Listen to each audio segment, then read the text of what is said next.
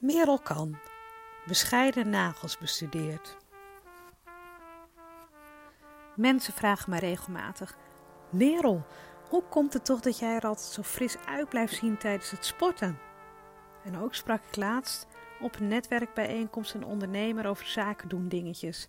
Hij was zoekende en hij vroeg me: Merel, hoe kan het dat je altijd de perfecte balans vindt tussen sociale creativiteit en zakelijkheid?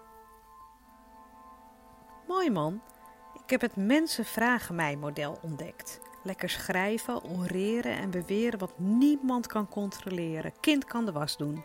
Gebruik je fantasie. En het enige wat je hoeft te doen is te bedenken wat jij zou wensen dat anderen aan je vragen. Je kan fictieve mensen fictieve woorden in de mond leggen als opmaat naar een letterbrei die jou, jij jou, als grote alwetende positioneert.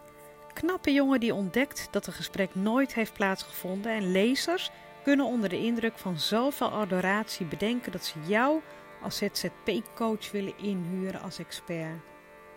De voorbeelden hierboven zijn misschien al genoeg om mijn punt te maken, maar om eerlijk te zijn, en dan ben ik dus heel even eerlijk, ik kom op stoom. Laatst werd ik namelijk in de rij van de kassen van Albert Heijn aangeklampt door een knappe jonge man die wees naar het pak toiletpapier op de band. Mevrouw Kan, ik had nooit kunnen bedenken dat u dat nodig zou hebben, want mooie vrouwen poepen niet. Een dame achter hem wees verbaasd naar de pot pindakaas. Huh? Geen caviar? Merel, je bent zo gewoon gebleven. Waarop een oude man die achter in de rij had gestaan naar voren schuifelde. Hij stond erop dat hij voor mijn boodschappen mocht betalen. U geeft ons allen zoveel en dit is wel het minste dat ik kan doen. Hmm, ik kan hieraan gewend raken. In je hoofd kan alles en eenmaal gedeeld via sociale media is het ook echt. Ook een mooie vorm is om je dienst in alle bescheidenheid onder de aandacht te brengen, is het dankbare model. Dat gaat zo, schrijf je. Heerlijk is dat boeken signeren, inpakken en versturen. Blij dat ik weer een hoop mensen gelukkig kan maken.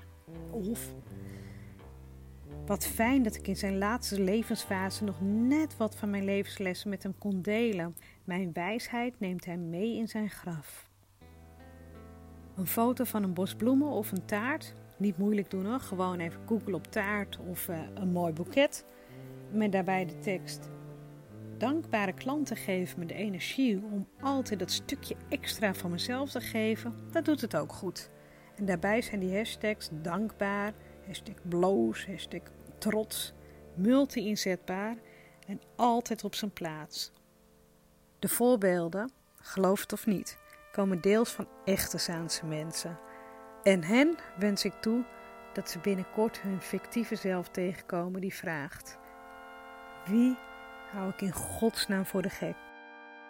Of ze dat zullen delen, waag ik te betwijfelen, maar daar gaat het even niet om.